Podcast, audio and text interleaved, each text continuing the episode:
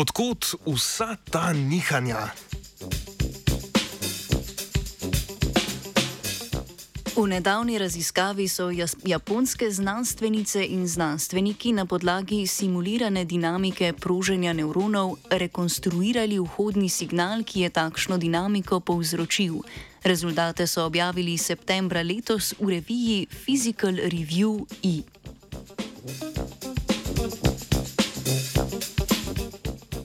Komunikacija med različnimi deli možganov je ključnega pomena pri mnogih možganskih procesih. Točen način kodiranja informacij v tovrstni komunikaciji je sicer še neznan. Trenutno se zdi najbolj verjetna hipoteza, da je medneuronska komunikacija posledica sinhronega proženja nevronov. V, labor v laboratoriju lahko sinhrono proženje nevronov spodbudimo s stimuliranjem oddaljenih možganskih celic z enakim izmeničnim električnim tokom. Pri tem pogostost proženja nevronov narašča z večanjem apliciranega električnega toka, ki je vhodni signal za nevrone. Pri takšni namerni stimulaciji nevronov v laboratoriju je vhodni znak, vhodni signal znan. Pogosto pa raziskovalke in raziskovalci lahko izmerijo le izhodni signal, pri čemer jim vhodni signal ni poznan. Raziskovalna skupina je za boljši pogled v pretok informacij v možganih na podlagi vzorcev proženja nevronov razvila metodo za rekonstrukcijo vhodnega signala.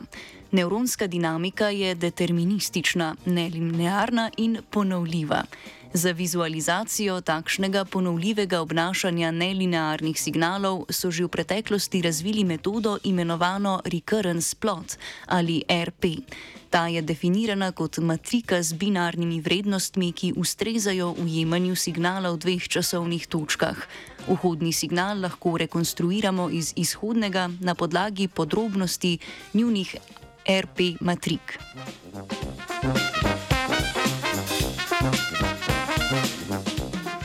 Metodo RP je japonska raziskovalna skupina uporabila pri rekonstrukciji vhodnega signala in jo pri tem še nekoliko nadgradila.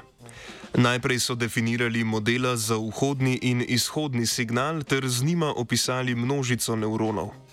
Model za izhodni signal vključuje tudi člen z vhodnim signalom, odtot tudi razlog za podobnost njunih RP matrik.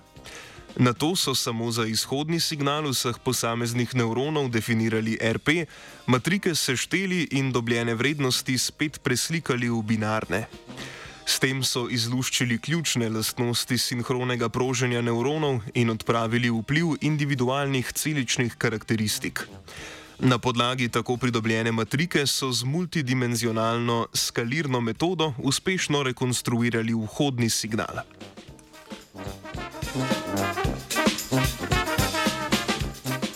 Metoda učinkovito povzame obliko vhodnega signala, zaradi računskih napak pa je rekonstrukcija njegove amplitude nekoliko nezanesljiva. Z obravnavo različnih tipov nevronov in njihovih kombinacij so pokazali, da so rezultati aplikativni za nadaljne raziskave komunikacije med nevroni na nivoju celotnih možganov.